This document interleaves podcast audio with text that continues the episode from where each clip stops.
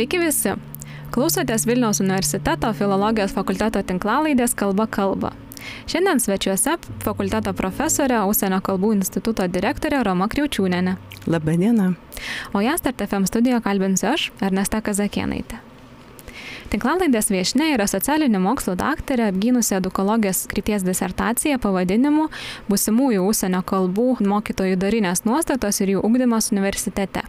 Taip pat įėjo ir Lietuvos kalbų pedagogų asociacijos prezidentės pareigas ir atlikusi įvairių tyrimų šią temą. Taigi žmogus ilgai ir išsamei besidomintis užsienio kalbų didaktika, dalykinių kalbų mokymų, o šį domėjimąsi vainikavo visai netrukus pasirodysinti metodinę priemonę apie naują C1 lygio anglų kalbos mokymo prieigą Vilniaus universitete. Tai, kad šiais laikais be ne visi mokosi lingva franka tapusios anglų kalbos, tiek mokykloje, tiek vėliau studijuodami, net minėti nereikia. Bet nežinau, kiek plačiai yra žinoma tai, kad būtent Filologijos fakulteto užsienio kalbų institutas yra viso šio Vilniaus universitete vykstančio proceso širdis. Kitaip tariant, užsienio kalbų dėstytojai, dirbantis, na, pavyzdžiui, teisės, istorijos, medicinos ir visose kitose padaliniuose, yra iš mano minėto instituto, kuriam ir vadovauja Roma Kriaučiūnenė. Taigi šiandien ir pasikalbėsim apie naują minėtą metodiką, kodėl jos reikia ir kokia ji yra, nes tai liečia be ne kiekvieną Vilniaus universiteto studentą, nes e, beveik visose programuose yra mokomasi anglų kalbos, dažniausiai pirmame kurse.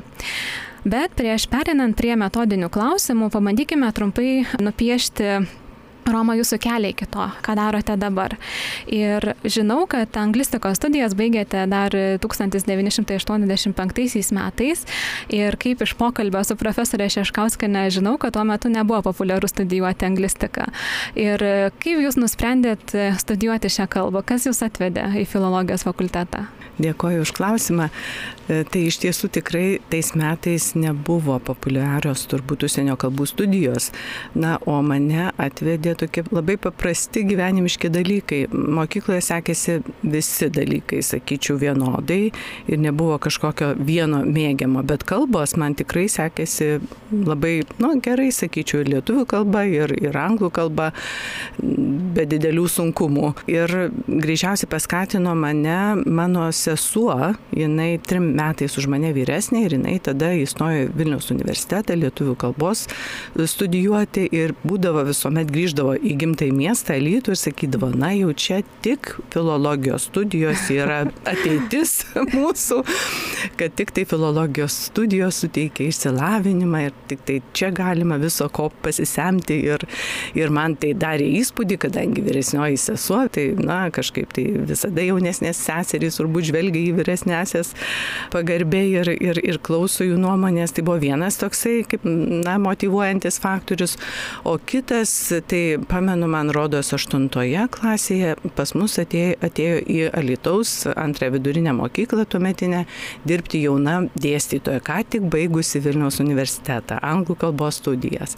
O kaip mhm. prabilo, o koks tarimas nuostabus, nu ir ką jūs, aš taip buvau sužavėta ir galvoju viskas, nu filologija, gal ne lietuvių, bet vis dėlto anglų kalbą pasirinksiu. Ir tada visiškai nemaniau, nieko negalvojau apie tai, kas bus po to, mhm. kur aš dirbsiu, ką darysiu, ar mokytoja, ar nemokytoja, visiškai tas ne, neturėjo jokios reikšmės, svarbu buvo įstoti. Na, va, tai keletą, aišku, metų reikėjo padirbėti, truputėlį papildomai ir tikrai ta, ta mokytoja mane priėmė e, mokytis papildomai ir, ir patobulino mano tarimą ir, ir tada, mhm. na, manyčiau, kad jos tikrai indėlis buvo didelis ir, ir man pavyko įstoti į universitetą, ką tik baigus iš karto po mokyklos studijų. Mhm. O kaip vyko jūsų jau studijų procesas? Ar buvote jo apresentar. Na, buvo iš pradžių tikrai labai sunku, nes e, mano mokykla buvo ta tokia nu, pagrindinė mokykla, kurioje nebuvo sustiprintas anglų kalbos studijavimas, mhm. kaip pavyzdžiui, tarkime, tais laikais Saldomėjos Neries mokykla arba Kaune ten irgi buvo sustiprintų mhm. mokymų e, anglų kalba studijuojama. Tai man buvo iš tiesų sunku, nes aš pirmaisiais metais tiesiog nesupratau, kas vyksta, kad ne viską, negalėjau suprasti viso to proceso, na, bet teko labai daug dirbti. dėstė. Pamenu, pirmieji metai tai buvo pas dėstytoją Anusą, tai buvo, na, toks, sakyčiau, juodas darbas. Tikrai paskaitos, po paskaitų namo, pratimų darimas, mhm. mokymasis. Na ir va šitokie tie du metai tokie buvo ganėtinai sunkus. Paskui gal trečiaisiais metais toksai pasijuto tarsi lūžis, tarsi kažkoks palengvėjimas, jau ir originalo literatūrą buvo galima skaityti mhm. laisvai. Tai tikrai man pasisekė, kad dirbo tuo metu na, puikus mūsų anglų kalbos specialistai, dėstytojai. Manau, kad mano kartos na, visi atsimena tokius dėstytojus kaip dėstytojas Anusas, Zabulienė, Katkuvienė, Rosinienė, Karpuvienė ar Malytė, kai kurie jau jie mhm. išėjo amžin, amžino polsio, bet, bet tikrai mūsų atmintyje jie yra išlikę ir padarė didelį įspūdį. Na taip pat ir Lionginas Pažūsis, tai mhm. čia buvo mūsų jau tarimo specialistas, klausėm kiekvieno žodžio, viską darėm ir jis, pamenu, pasakė, kad jeigu viską darysite, ką aš sakau, tai tikrai išmoksite kalbą. Nu tai va, tai mes uoliai mokėmės. Dar kas, kas man e, taip įstrigo dabar mastant, kaip dabar mokomės kalbų ir tada tai kalbų mokymas buvo pagrįstas daugiau literatūros, grožinės literatūros mhm. studijomis ir netgi tie vadinami leksikos susijėmimai buvo irgi grindžiami vat analizė, literatūros kūrinių analizė. Tai aš dabar taip tikrai suprantu, kokį didelį darbą atliko tie dėstytojai, parengdami tą visą programą ir, mhm. ir orientuodami tą mūsų e, tobulėjimą. Taigi buvo, sakyčiau, labai įdomios studijos ir labai vertingos, naudingos ir tikrai sudėtingos, bet labai, labai įdomios ir tikrai mes visi, visos buvom visos, sakykime, vienas vaikinas buvo tarp mūsų, tai galiu drąsiai sakyti, visos buvom patenkintos. Mhm. O kada jūsų kelyje atsirado pedagogika? Ar jūs iš karto jau pradėjote domėtis, gal ir kokius darbus rašėt šitą temą? Ne, darbus rašiau iš fonetikos, kažkaip man patiko mm. tada studijų metu šitas, šitas dalykas, bet pedagogikos studijų mes turėjome labai nedaug. Man atrodo, kad vieną semestrą buvo bendrosios pedagogikos kursas, o į pedagogiką atėjau daug vėliau, tai jau dirb, bedirbdama universitete ir, ir mūsų užsienio kalbų institutas tuo metu vykdė magistro studijų programą užsienio kalbų mokymas ir tuometinė instituto direktorė, e, docentė Nijolė Bražienė, tada kažkaip paskatino mus su kita kolege germanistė Virginija Juratė Pukevičiūtė studijuoti edukologijos studijas, nes būtent trūko vat, tokių specialistų, mm. trūko dėstytojų, kurie galėtų tinkamai, na, kaip vadovauti, e, kokybiškai, profesionaliai vadovauti baigiamiesiems magistro darbams, na ir mus paskatino stoti į doktorantūrą, tai, vat, tai, tai vyko tik 2004 metais, tai ganėtinai po tam tikro tarpo, mm. po didelio tarpo, na, bet e, studijos studijos truko e, ketverius metus Klaipėdos universitete, nes tuo metu kaip mhm. tik, kai mes jau stojome į doktorantūrą, jau buvom, kaip pasakyti, ir paskatintos, ir nusprendusios studijuoti, tai tuomet kaip tik Vilniaus universitetas neturėjo tos teisės organizuoti doktorantūros studijų. Tai vad teko važiuoti į Klaipėdą, bet vadovas, vadovė buvo mano čia Vilniaus universitete profesorė Vanda Ramavičiūtė. Bet nebejotinai tos, tarkim, anglistikos studijos e, skiriasi nuo to, kaip e, mokosi anglų kalbos kitų padalinių studentai. Tai pavyzdžiui, kai jie mokosi anglų kalbos kaip užsienio kalbos. Ir kaip manote, ar apskritai turėtų būti įtraukiama e, į programas būtent anglų kalbos mokymas visoms specialybėms, visoms programoms, nes yra tekę skaityti tokių nuomonių, kad tarsi universitetas nėra kalbų mokykla ir kad turėtų mokyti ne kalbų, o turėtų orientuotis į kitus dalykus, nes tarsi tai yra įrankis, kurį galima išmokti ir savarankiškai arba na, kitais įvairiais būdais. Na, aš aišku palaikyčiau nuomonę, kad vis dėlto reikėtų studijuoti kalbas ir, ir universitetas turėtų suteikti tokią galimybę, jis ir suteikia tą galimybę ir, ir turėtų mm, tai daryti ir toliau.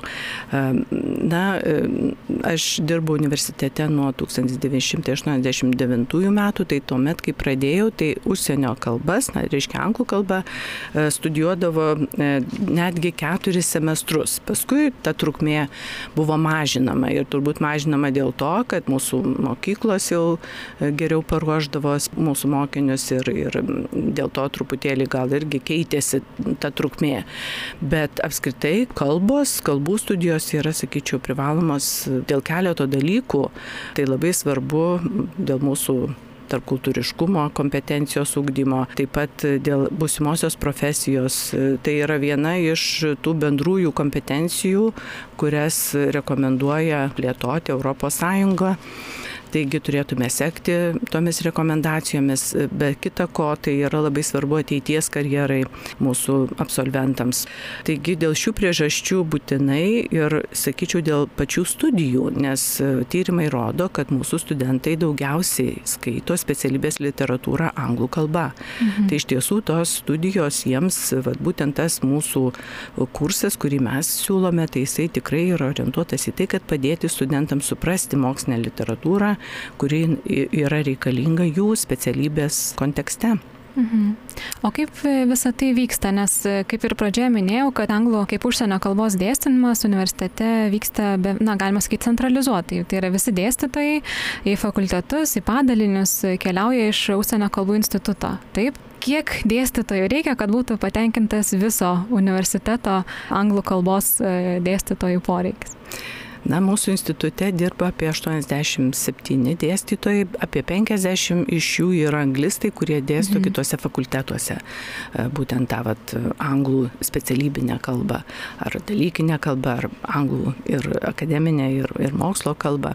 Taigi, e, sakyčiau, kad mes esame matomi visuose Vilniaus universiteto fakultetuose.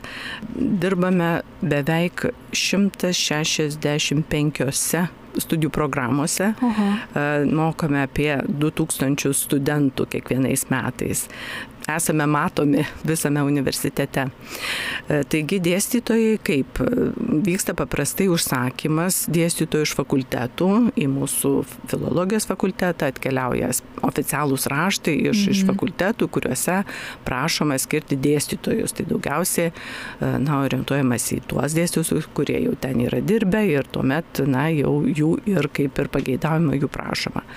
Na, tai mes, aišku, pagal visas galimybės atsižvelgiame, bet yra tam tikra kaita, kai kurie dėstytojai išeina ar, ar, ar pakeičia savo profilį, ar, ar dirba, tarkime, lingvistinėse studijų programuose, filologijos fakultete, tai tam tikra kaita yra, ar išeina į pensiją, bet mes orientuojamės į tai, ko iš mūsų prašo kiti fakultetai, kokių dėstytojų mhm. pageidauja. Pradedama pokalbį minėjau, kad jau visai tuoj, visai netrukus pasirodys jūsų su kolege Liudmila Arcimavičiane parengta metodinė priemonė ir jūs joje pristatot naujai taikom anglų kalbos dėstymo būdą, tarsi metodą, prieigą. Tai mano gal tokie būtų keli klausimai, kodėl reikėjo naujo, kaip atrodė senas ir ar juo, tarkim, tuo būdu vadovaujasi visi dėstytojai, kurie keliauja į labai skirtingus skirtingus fakultetus. Ar tai yra kažkokios tokios labiau kaip gairės, kaip reikėtų daryti, ar vis dėlto tai yra kažkas labai konkretaus? Ačiū labai už įdomų klausimą. Na, pakeisti mums tikrai reikėjo mūsų dėstymo metodiką ir tai mes darėme E, nuo 2018 metų. Tas pokytis buvo reikalingas dėl keleto priežasčių. Tai visų pirma, mes išanalizavom studentų atsiliepimus, nes kiekvienais metais po kiekvieno semestro tai yra priimtinas dalykas, kad studentai dalyvauja apklausose, jie išreiškia savo nuomonę. Na ir mes pastebėjom tokią truputėlį kaip ir ne visai teigiamą tendenciją, kad studentai nebuvo visiškai patenkinti mūsų dėstomų dalykų ir, ir jie skundėsi kad yra truputėlį kaip ir atkartojimas mokyklos mhm. programos, kad ir nuobodoka, ir, ir nenaudinga, ir visa kita. Na ir mes, aišku, turėjom reaguoti į, į, į tokius, kaip pasakyti, pasisakymus. Tai bandėme e, keisti tą mūsų studijų programą, bandėme visai galvojame, ką čia reikėtų daryti ir, ir ar kokių metodikų naujų. Ir tada pabandėme pasižiūrėti, ką daro kiti universitetai.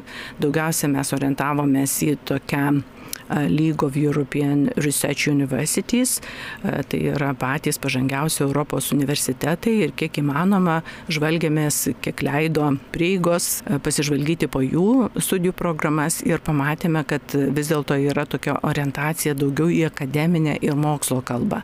Na va, tai mes pagal tą mūsų atliktą analizę sudarėm tokį dalyko aprašą bendrą ir jame kaip tik va, orientavomės į mokslinį diskursą ir jo analizę. Na ir sudarę šitą programą, tuomet mes pateikėme mūsų instituto dėstytojams jų tokiam vertinimui, na, aptarėme, aišku, na, kaip ir dažnai būdavo, kad pasitarėm, pasižiūrim, kai ką pakeičiam ir vėl tarsi viskas po senovį vyksta. Mm. tai va, tai šį sėkį mes irgi pabandėme kreiptis į ekspertus, tai paklausėme kitų mūsų universitetų kolegų, ką jie galvotų apie tokį mūsų vat, planą ir, ir, ir, ir tokį kurso tam aprašą. E, ir, ir mano viena kolegė iš Kauno technologijos universiteto patarė, sako, na, turbūt savam krašte pranašų nebūsi, kvies mhm. geriau kokius nors ekspertus, e, kurie gerai išmano šitą dalyką iš užsienio. Na, va, ir jinai man keletą pavardžių pasakė, e, tos pavardės iš tiesų yra garsios, nes tai yra tyrėjai, mhm. žinomi žmonės Europoje, tai yra Brian Nos, Enrika Picardo, Johannes Fischeris, šalis, tai čia yra tie žmonės, kurie yra, na, kaip ir daug prisidėję prie bendrųjų Europos metmenų atnaujinimo. Na, va, tai kreipėmės į Brianą Nors, tai jisai negalėjo, ne, neturėjo laiko atvykti, parekomendavo savo kolegą Johaną Fischerį, na ir mes jam parašėm, jisai maloniai sutiko su mumis bendrauti. Tai va, tai mes nusintėm jam savo programą ir jisai sutiko atvažiuoti pas mus ir, ir mums pravesti e, mokymus, tokius seminarus. Tie seminarai prasidėjo nuo 2019 metų. Tai va, tais 19 metais ir įvyko toks pagrindinis pokytis. E, jisai yra Göttingeno universiteto kalbų ir perkeliamųjų gebėjimų centro direktorius, taip pat jisai yra UNICERT mokslinio komiteto vadovas, o UNICERT yra tarptautinė įvairių kalbų universitete sertifikavimo ir akreditavimo sistema. Ir to uniserto tikslas remti kalbų mokymo universitetuose ir išduoti sertifikatus, įrodančius kalbos žinias ir už universiteto ribų. Ir tas unisertas taip pat vienas yra iš įkūrėjų seklės, tai yra Europos aukšto mokslo kalbų centrų konfederacijos. Taigi Johannes Fischeris iš tiesų, na, kaip pasakyti, tos savo srities mhm. žinovas, specialistas, tai yra, na, kaip pasakykime, europinio lygio ekspertas tai tikrai patikimas žmogus.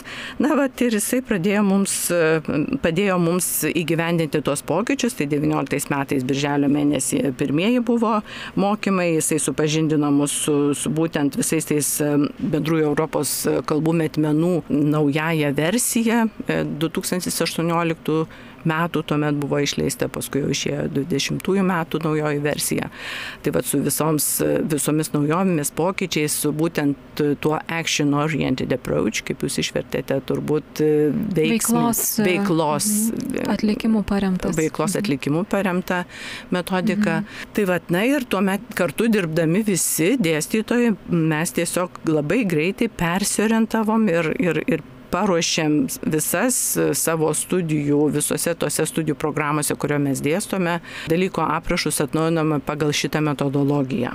Tai va, tai pradėjome 19 metais ir iš karto po pirmo semestro atlikome apklausą studentų ir iš karto pamatėme, kad pokytis tikrai buvo, na, jų įvertinimas buvo daug geresnis negu ankstesnieji.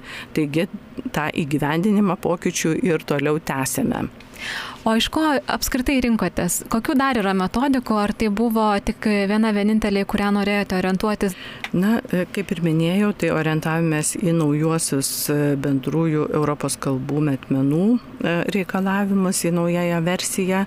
Ir būtent šiuose metmenyse yra pabrėžiama, kad kalbų mokymas turi būti orientuotas būtent pagal šitą action oriented approach. Tai, va, tai mhm. buvo, na, kaip pasakyti, aiškus pasirinkimas ir nekilo jokių abejonių. Kitos, tai kai pradėjome gyventinti tą pokytį, tai mūsų dėstytojai sakė, na, oi mes čia tą darom, jau čia mums nėra tas nauja.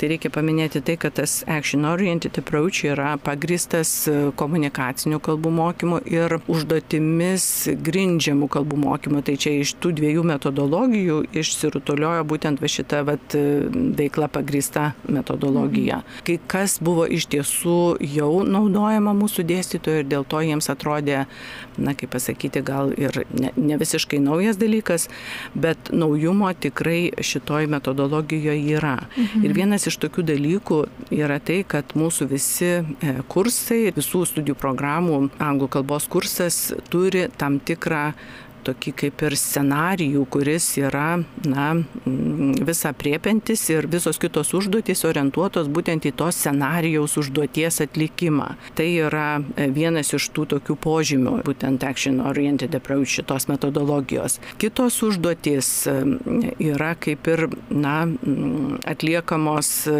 kad įgyvendinti šitą pagrindinį scenarijų.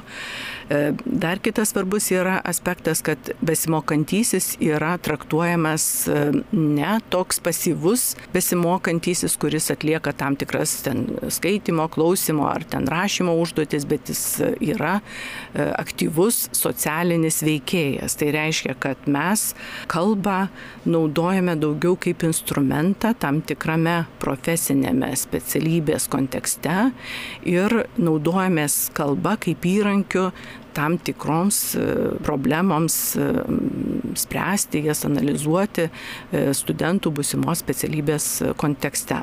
O gal galėtumėt pateikti kažkokį labai konkretų pavyzdį? Kaip atrodo paskaita, kai yra taikomas veiklos atlikimų paremtas metodas?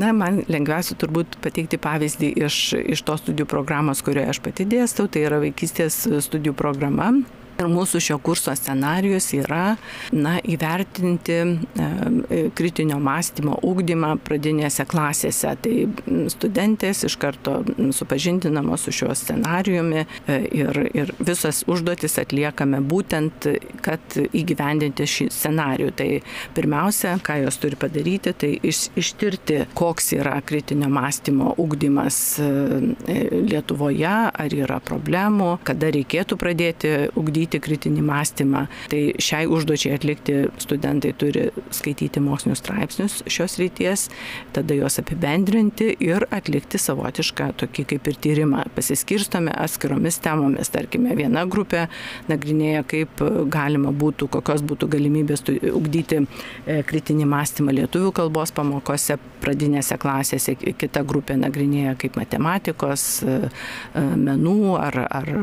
gamtos pažinimo pamokose. Ir, ir pagal tuos mokslinius straipsnius na, sprendžiama, kokie galėtų būti to kritinio mąstymo ugdymo keliai. Darbas mhm. vyksta grupėse, po mhm. keturis, penkis studentus grupėje ir visas šitas tyrimas vyksta semestro metu ir pristatoma gale semestro jau kaip, baigtinis, kaip baigtinė užduotis. Šita metodologija yra taip pat vertinga tuo, kad na, ugdoma studentų ne tik lingvistinė komunikacija, komunikacinė ta kompetencija, mhm. bet taip pat ir pragmatinė kompetencija, sociolingvistinė kompetencija. Ir taip pat šioms užduotims atlikti reikalingos ir bendrosios kompetencijos, tai ir laiko planavimo, ir kritinio mąstymo, ir, e, ir tarpininkavimo kompetencijos. E, taigi kartais e, studentai sako, na, va, ne visi mano ten kolegos dirba, ten kažkas tai netlieka mhm. užduoties, tai mes to tokiais atvejais sakom, tai prašom, imkite lyderystės ir įveiklinkite savo kolegas, nes tai yra, ką, ką jūs darytumėte, jeigu tai būtų tokia užduotis jums duota realiame gyvenime. Jūs turite tiesiog mhm. na, pasidalinti, pasiskirstyti pagal savo pajėgumus, kas, kas kam geriau sekasi, kokia, kokia veikla. Tai taip jie, na, tarkime, sprendžia tą užduotį savarankiškai patys. Mhm. Bet e, dabar taip klausau jūsų ir kažkaip atrodo, kad e, šitas dalykas yra ne apie kalbą, o apie kitus dalykus per kalbą.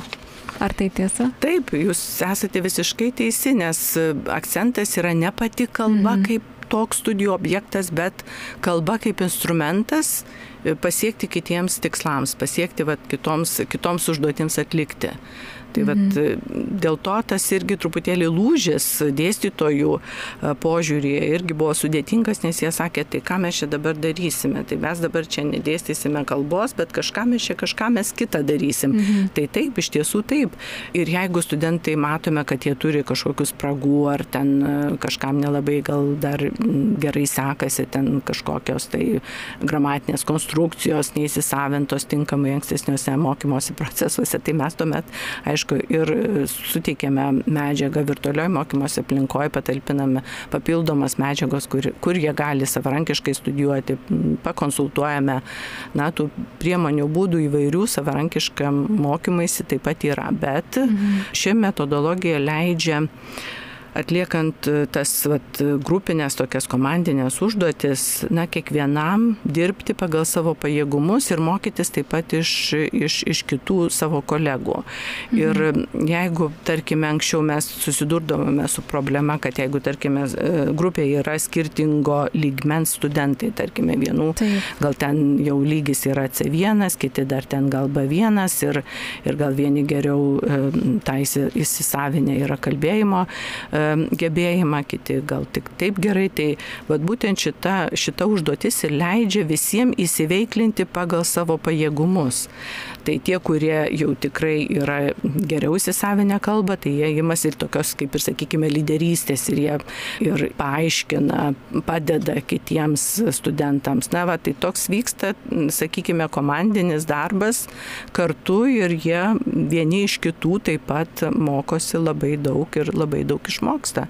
Ir kai po tos užduoties mes atliekame paprastai refleksiją tokią ir klausime, kaip jiems patiems patiko studentams, tai vertinimas jų yra iš tiesų labai teigiamas ir jie, ir tie, kurie geriau moka, turi geresnės e, kalbinės kompetencijas, jie nenobodžiauja jokių būdų, o tie, mhm. kurie, kurie silpnesni, tai irgi išmoksta iš savo kolegų ir, ir jie yra įveiklinami atitinkamai. Ir jūs kalbėdama minėjote apie tai, kad na, e, ne visi buvo patenkinti pokyčiais ir labai natūralu, nes e, iš tiesų, jeigu esi įpratęs jau metų metus dirbti vienaip ir štai ateina diena, kai tau sako, ne, dirbsime kitaip ir, ir tarsi tu gal nebūtinai tiki tą metodiką, bet e, tuo pačiu jūs sakot, kad studentai yra patenkinti šitą metodiką, ar ne? Tai ar tie, kurie priešinosi jai, ar jie nepersigalvojo, ar jie nepamatė, kad vis dėlto šitas, šita prieiga veikia? Man atrodo, kad tikrai dabar jau abejojančiųjų yra tikrai labai mažuma, nedidelė mažuma, bet pokyčiams tai yra natūralu, kad, kad, kad visi, kaip pasakyti, priešinasi pokyčiams. Nors iš tiesų aš dar bet, nepaminėjau pačioje pradžioje, kai, mes, kai jūs klausėte, kodėl vyko tas pokytis, tai aš mhm. daugiau akcentavau tik studentų tuos atsiliepimus, bet ir taip pat ir dėstytojų buvo tam tikras nepasitenkinimas, mhm. nes mes e, kaip ir dėstėme dalykinę kalbą, ir orientavomės į dalykinę specialybės kalbą, bet e, tokiam mūsų kalbos dėstymui, ne visoms studijų programoms mes turėjome medžiagos, ne, nebuvo vadovėlių, nebuvo įmanoma e, gauti vadovėlių, tai irgi, e, na, kaupdavome iš, iš įvairių šaltinių ir darydavom savo ten tą mokymo planą, bet e, kai ateidavo atsiskaitimas, tai mums būdavo sudėtinga pateikti validžius testus. Tai tam tikras toks netitikimas tarp to, ką mes dėstėm ir taip, kaip mes vertindavom studentus buvo, nes mes daugiausia naudojame naudodavome IELTSO testus atitinkamai parinkdamos pagal tam tikrą tematiką. Tai va tai buvo tam tikro netitikimo tarp to, ką mes mokome ir taip, kaip mes testuojame. Mhm. Tai va šitas nepastenkinimas buvo, kuris dabar yra, na kaip pasakyti, jau panaikintas, jo nėra, nes dirbame mes e, su autentinė medžiaga. E, mūsų kursas dabar yra daugelie studijų programų vadinamas e, akademinė anglų ir mokslo kalba. Taigi mhm. orientuojamės į mokslinių straipsnių straipsnių skaitymą, grinėjame mokslinių e, straipsnių struktūrą, e, na, mokomės studentus ieškoti informacijos tuose straipsniuose, analizuojame ir taip pat e, ir, ir žodyną, ir, ir, ir tą semantinius laukus įvairius. Ir taip studentai susipažįsta su mokslinė literatūra, jie įgyja įgūdį, kaip skaityti mokslinį straipsnį. Ir šitas gebėjimas jiems iš tiesų yra labai vertingas tolimesnėse jų studijose. Tai dėstytojai dėstytojams yra didelis darbas, jie turi parinkti e, studentams straipsnius. Tai mhm. irgi čia pasirengimas yra pakankamai didelis. Na, o tie mūsų mokymai su ekspertu dr. Joganu Fischeriu e, vyko ne tik 19 metais, bet ir paskui ir kiekvienais metais mes su juo susitikdavome ir tokia būdavo kaip ir refleksija, įvertinimas, kaip mums pavyko ir, ir, ir kalbėdavome ir apie tos kurso scenarius, kaip juos atnaujinti, ar jie visi tikrai pasiteisino. Tai va ta refleksija tokia irgi, na, prijaukino turbūt visus tuos, kurie truputėlį gal abejojo ir pabandė, išbandė, e, mhm. jie pamatė, kad vis dėlto šitą metodologiją veikia. Mhm. Ir dėl paties to testavimo, tai dabar mes, na, kaip pasakyti, irgi organizuojame tą mūsų vertinimą studentų panašių būdų, kaip ir, na, iš tos medžiagos, kurią mes dėstome. Taigi egzamino metu studentai irgi taip pat turi tam tikrą scenarijų, tam tikrą problemą išspręsti ir jie tai daro vėlgi grupėmis, komandomis. Kiekviena grupė, keturių, penkių studentų gauna mokslinių straipsnių paketą su užduotimis ir jie turi su tais straipsniais susipažinti, pasirinkti atitinkamą užduotį, kuri atitinka jų straipsnių turinį ir padaryti pristatymą, kaip įspręsti vat, tą scenarijoje apibrieštą problemą. Na va, mhm. ir po to kita dalis, tai būna rašto dalis, kur studentai yra pakviečiami rašyti tam tikrą tokį mokslinį projektą ar mokslinio tyrimo pasiūlymą. Tai va, tai toks, toks vertinimas irgi yra sudėtingas, jis yra, na, kaip pasakyti, e, dėstytojams užima daug darbo ir pasirengimas mhm. ir tikrinimas, tai, na, galbūt tas nepasitenkinimas irgi yra e, mhm. pakankamai suprantamas, bet studentų vertinimas mūsų kursų ženkliai pagerėjęs yra ir mhm. kartais net visai taip neoficialioj aplinkoje tenka sutikti savo būsės studentes ir, ir, ir klausti, na, kaip jums sekasi. Tai na, kitą kartą ir dėkoja, sako, vadėsto, kaip gerai, kad mokėte tuos mokslinius straipsnius skaityti dabar, kaip tik vat, mes tą ir darom, o niekas mūsų to nemokė. Na, tai mhm. vadinasi, mes, mes tikrai atliekame labai reikšmingą ir reikalingą darbą, padedame studentams susipažinti su mokslinio diskursu anglų kalba, padedame jiems tiesiog tolimesnėse studijose, kaip studijuoti toliau. Mhm. Ir jūs minėjote apie tuos scenarijus ir tai, kad e, scenarijai yra derinami prie programos, nes vis tiek e, reikia atsižvelgti į temą, reikia atsižvelgti į tai, ką studentai studijuoja. Ir kaip tai daroma, ar tai, nežinau, yra scenarijus e, konkrečiai visiems tiems dėstytojams, kurie, pavyzdžiui, dirba medicinos fakultete ar dirba, nežinau, teisės fakultete, ar visi vadovaujasi tais konkrečiais metais tuo pačiu, ar tai yra labai labai individualu ir priklauso nuo dėstytojo, kokį scenarijų jis pats matytų ir kaip jis norėtų dirbti. Na, šiek tiek individualumo iš tiesų yra, bet stengiamės, kad vienoje studijų programoje būtų vienas e, e, tas scenarius. E, kad, tarkime, fakultete, jeigu vienam fakultete yra keletas studijų programų, tai skirtingos studijų programos turės skirtingus scenarius, bet vienoje tos studijų programoje, jeigu joje dirba keli dėstytojai, tai jie vadovaujasi vienu tuo scenariumi. Mm. Na, tas scenarius kūrimas yra dėstytojų darbas ir mes kūrėme kartu, mėginame irgi tarėmės ir ir su mūsų ekspertu ir jisai mums patarė sukurti tokius scenarius, kurie būtų studentams įdomus, bet taip pat atspindėtų mūsų gyvenimo realijas, kas vyksta dabar, kokios, kokios problemos yra šiuo metu ir kaip ta, kokias tas problemas galėtų studentai spręsti iš savo e, tos mokslo disciplinos, kurią jie studijuoja. Mhm. Jūs užsiminėt e, nekartą apie scenarijus, kurie e, tarsi apima visą kursą. Ar galėtumėt pateikti labai konkrečių pavyzdžių, kaip mes turėtume įsivaizduoti tą scenarijų? Na, tarkime, galiu pateikti scenarijų iš genetikos studijų programos. E, tai jų kurso scenarijus yra toksai. Jų pagrindinis tikslas yra kritiškai įvertinti gyvenimo būdo ir genetikos santyki ir pateikti socialinius, kultūrinius aspektus ir taip pat pateikti na, tam tikras specialias rekomendacijas jauniems suaugusiems žmonėms ir ta, tas rekomendacijas jie turi pateikti mokslinio projekto pateikties konferencijoje metu. Na va, ir visos tos užduotys yra susijusios su šio scenarijaus įgyvendinimu. Tai tam scenarijui įgyvendinti jie turi skaityti mokslinius straipsnius šią temą mhm. apie gyvenimo būdą ir, ir genetin, genetiką. Tai būtent kas yra susijęs su jų studijų programa e, ir renkti tą mokslinį projektą ir tada pateikti jį, tarkime, parengus tą projektą, jau pateikti konferencijos metu. Na, pabaigoje kurso paprastai mes e, ar vienoje studijų programoje, ar, keletoj, e, ar keletą studijų programų apsijungia ir e, kurso pabaigoje rengiame konferencijas, studentų konferencijas, kuriuose mhm. jie ir pristato būtent šios mhm. projektus.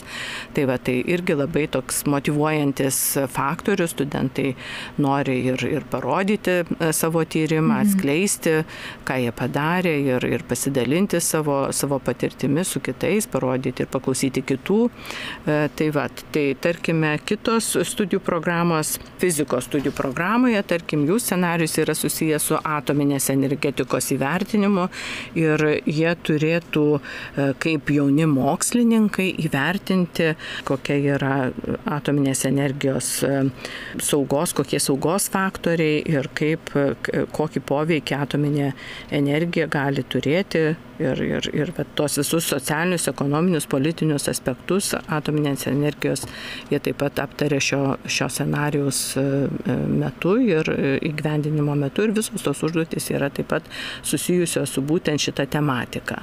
Na va, mhm. ir jie tam, kad įgyvendinti šitą tematiką, visos, visas užduotis yra atliekamos na, kartu ir komandinėse, atliekant komandinės užduotis, rašto darbus. Tai va, tai tokie scenarijai, bet jie aišku gali keistis ir jeigu dėstytojai mato, kad, kad galbūt tas scenarius jau netitinka šios re, realybės, ar tarkime, e, COVID metu tai irgi buvo labai, e, netgi vienas e, scenarius labai puikiai veikia, gyvybės mokslų centro studijų programų studentai turėjo spręsti, kaip, kaip pateikti vaikams rekomendacijas, kaip apsisaugoti nuo COVID-19. Tai vat, ir jie turėjo parengti tokį kaip projektą. Bet dabar mes kalbame vien apie anglų kalbos dėstymą. Ar tokia metodika yra taikoma ir kalbant apie kitas kalbas? Negalėčiau pasakyti, kaip kitų kalbų specialistai e, daro, ką, e, mhm. kokią metodologiją jie vadovaujasi, bet e, kad ši, ši metodologija gali būti taikoma kitoms kalboms, visoms kalboms, tai yra be jokios abejonės. Mhm. Tikrai taip. Mhm. Tai gal dar truputėlį grįžtant prie pačios metodikos ir jos esmės, tai yra apie tą veiklos e, atlikimą, tai pats e, žodis, savoka kažkaip suponuoja, kad e, studentas turėtų būti aktyvus, kad jis turėtų kažką atlikti. Jis tarsi yra aktyvus dalyvis ir, na, natūralu, kad žinom dabar turbūt, kad vyksta labai daug kur pasaulyje švietimo programų pokyčiai ir iš tikrųjų ir mokyklose pradedama į tai orientuotis, kad, na, mokinys nebūtų tik tas, kuris gauna žinias, bet jis būtų ir veikėjas tarsi. Bet e, žinom, kad egzistuoja labai įvairūs asmenybių tipai. Vieni ekstravertiškesni, kiti introvertiškesni. Ar matote, kad e, asmenybės tipai galėtų e, trukdyti tokiai veiklai? Na, man atrodo, kad labai yra mm, gera ši metodika ir joje gali, e, na, kaip pasakyti, kiekvienas studentas gali prisitaikyti e, prie, šios, prie šių užduočių. E, tai tarkime, kad ir mano minėti tie projektai, tyrimėjai projektai, tai, na, studentai tikrai prisiderina pagal savo galimybės ir, ir jie labai daug ko išmoksta vienas iš, iš kito. Tai jeigu vyksta ir pristatymas, ir yra kažkus, kažkuris studentas introvertiškesnis ir netaip mėgstantis kalbėti prieš auditoriją. Tai vėlgi turbūt ta pati grupė nusprendžia, kas kiek ir ko e, pristatinės to pristatymo metu. Mhm. Ir čia mes dėstytojai visiškai nes, ne, nesikišame į šitą sritį. Čia yra pačių studentų pasirinkimas, kiek jie gali, e, kaip jie nori save pateikti ir, ir kas, kas už kokią dalį atsakingas. Tik mes skatiname, kad būtų kiekvieno studento indėlis vienodas, kad nebūtų taip, kad keletas daro, kiti polsiauja. Tai taip nėra, jų yra atsakomybė įveiklinti visus. Nepastebėjau tokių labai kažkokių ypatingų atvejų, kad kažkam tai netiktų, e, nes tikrai darbo e, daug yra grupėse, komandose. E, jeigu ir, tarkime, raštų darbą kažkokį tai darome, tai yra irgi tas recenzavimas poromis pagal tam tikrus kriterijus, tai irgi jie pasitarė vienas su kitu, parekomenduoja, patarė, ką reikėtų daryti kitaip. Taigi tokia atmosfera yra palanki mokymuisi. Aš sakyčiau, kad nėra tam tikros įtampos ir kitą kartą studentai gal nenori atsakinėti tiesiai dėstytojai prieš visą auditoriją. Kai jie yra grupėse vienas su kitu, tai tikrai jie bendradarbiauja daug, daug atviriau, atsipalaidavę ir, ir na, tiesiog kiek galime, tai ir mes stengiamės sukurti tokią palankę atmosferą, kad visi gerai jaustųsi. Na, aišku, mūsų dėstytojai irgi šiek tiek prieštaravo šitai, šitai komandiniai veiklai ir sakė, oi, kam čia taip reikia dar per egzaminą mes irgi turėsime e, tas, tas grupės e, kalbinti ir, ir, ir kaip čia taip. E, na, mhm. bet vis dėlto tas pasiteisino ir, ir ko gero šita mūsų bendradarbiavimo kompetencija yra viena iš tų pagrindinių kompetencijų, kuri yra reikalinga darbo rinkoje šiame 21 amžiuje. Tai 20 amžiuje mes visi konkuravome vieni su kitais, vyko konkurencija, o dabar mes bendradarbiaujame, nėra kito kelio tai matome ir, ir mūsų aplinkos gyvenime vykstančiuose pokyčiuose. Viską galime atlikti tik kartu. Ir mhm. Nobelio premijų laureatai irgi, išskyrus rašytojus, dirba grupėse, taip kad visi tik tai pasiekti galime daugiau bendradarbiaudami. Ar šis e, veiklos atlikimų paremtas metodas taikomas tik Vilniaus universitete, o gal, o gal ir kitose Negalėčiau pasakyti, e, gal atskiri dėstytojai ir gali e, naudoti šitą, mhm. šitą metodologiją, bet mūsų išskirtinumas yra tas, kad mūsų visos studijų programos, visose studijų programuose anglų kalbos, vat, kursas, mūsų akademinės anglų ir mokslo kalbos kursas yra pagrystas būtent šią metodologiją. Tai reiškia, kad bendrieji principai yra taikomi visoms e, mhm. mūsų studijų programos. Na, yra gal keletas išimčių, tarkime, teisės fakultete šiek tiek yra truputėlį gal kitaip, bet ką pabrėžė ir mūsų vat, ekspertas, kad mes pritaikėme šitą metodologiją metodologiją visose savo e, anglų kalbos šito kurso programuose.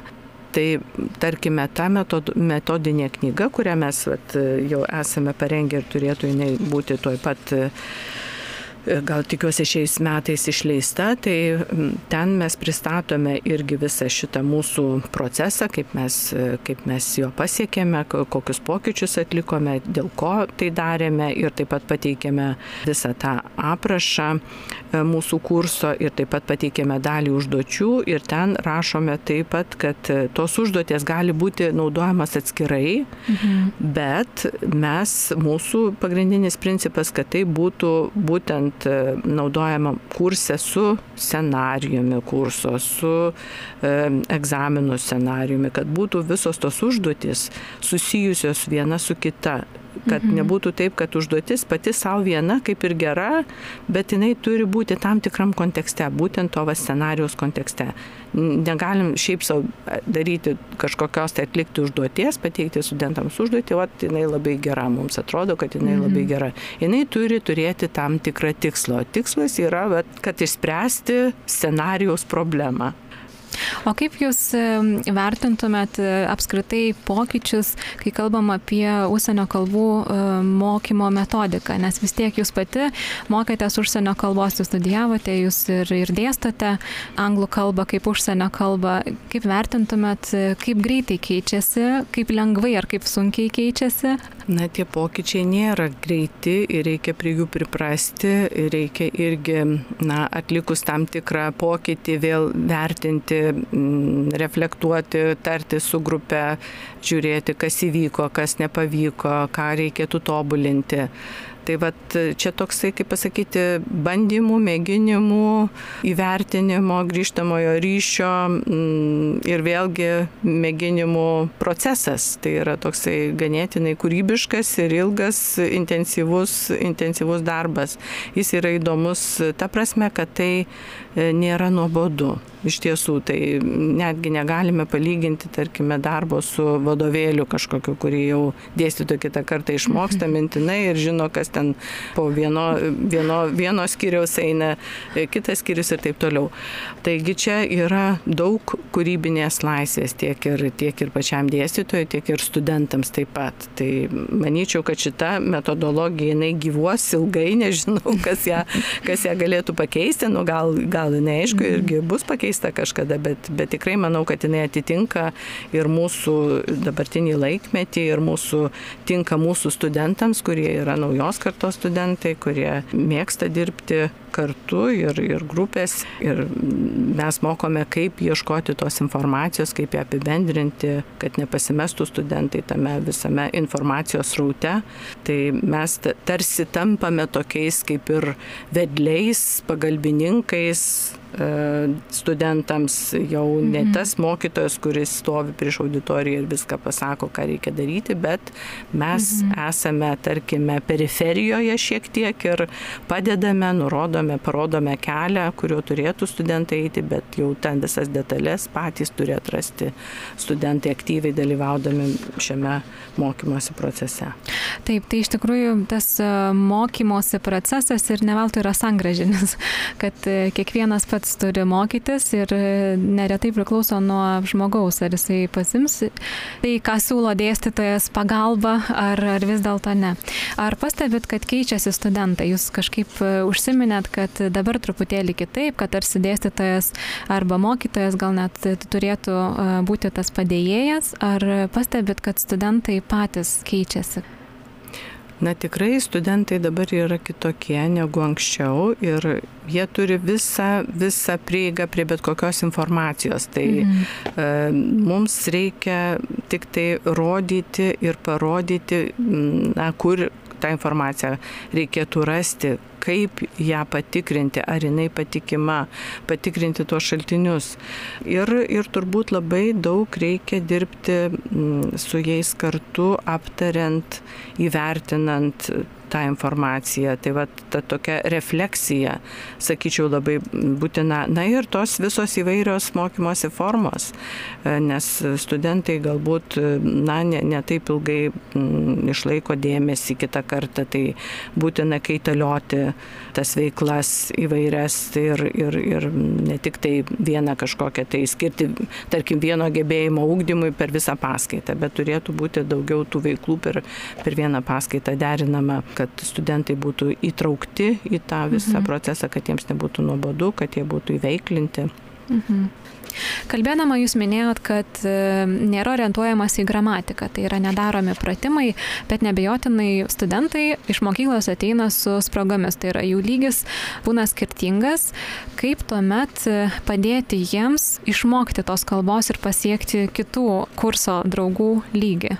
Na, e, mūsų programa ir pasiekimo rezultatai vertinimas sudaryti pagal BECM, reiškia bendrųjų Europos kalbų metmenų C1 lygio aptartį. E, tai aišku, studentai, mūsų studentai turėtų ateiti į universitetą su B2 lygiu.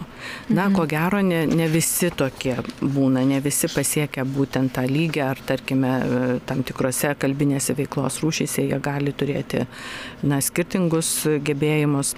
Mūsų, kaip aš ir minėjau anksčiau, kad e, studijos ne į pačią kalbą, bet kalbos panaudojimas mhm. problemams kažkokiams socialiniams reikalams aptarti studijų studijuojamojo dalyko kontekste. Bet jeigu matome, kad yra tikrai tam tikrų problemų, tai visuomet studentą galima pakonsultuoti ir, ir, ir, ir pasiūlyti kaip patobulinti savo, tarkim, užpildyti tam tikras spragas. Bet ar vertinama kalba egzaminuojant?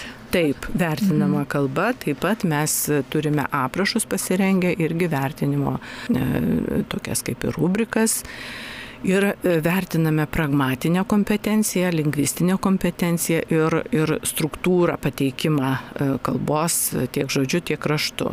Tai va, tai susideda iš šitų trijų dedamųjų ir yra kiekvieno to lygmens aprašymas ir pagal tai ir vertiname studentų žodinius pasisakymus, tiek ir rašto darbus.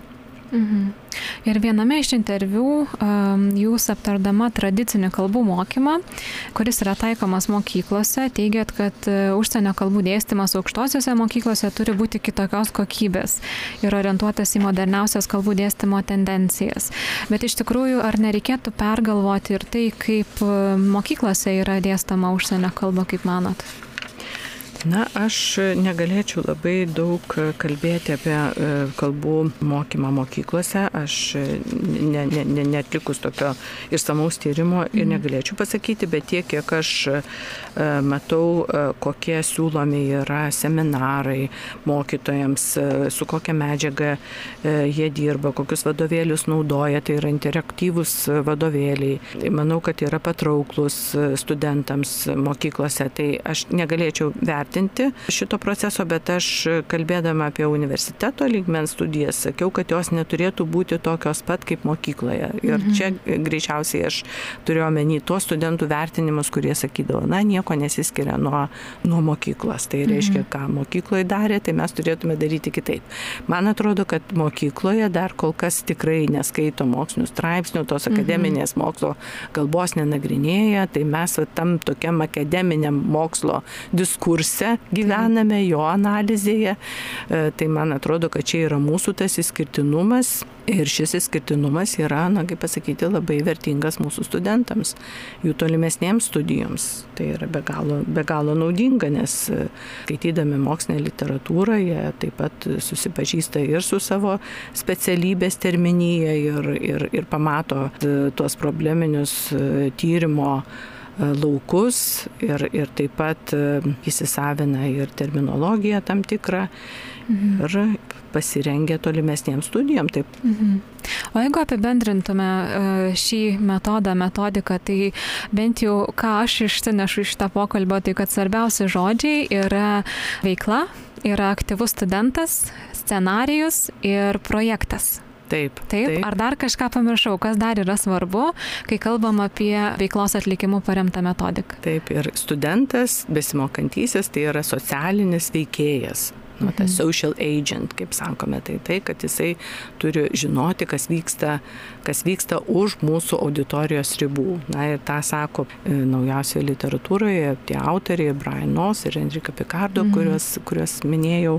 Tai būtent, kad e, tas kalbos mokymasis jau išeina iš už auditorijos ribų. Ir kad mes mhm. ne tik tai mokomės kalbą tam, kad, na, pakartoti kažkokius tai aspektus, bet mes jau žvelgiame toliau pro auditorijos langą žiūrim, kas vyksta realiame gyvenime ir čia sprendžiame, panaudodami kalbą kaip instrumentą.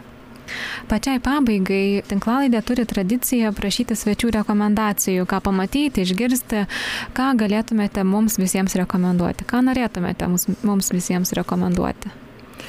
Na, nieko kito kaip knyga Action Oriented Approach, A Dynamic Vision of Language Education, kuri yra parašyta Enrikos Picardo ir Briano Nos ir išleista 2019 metais.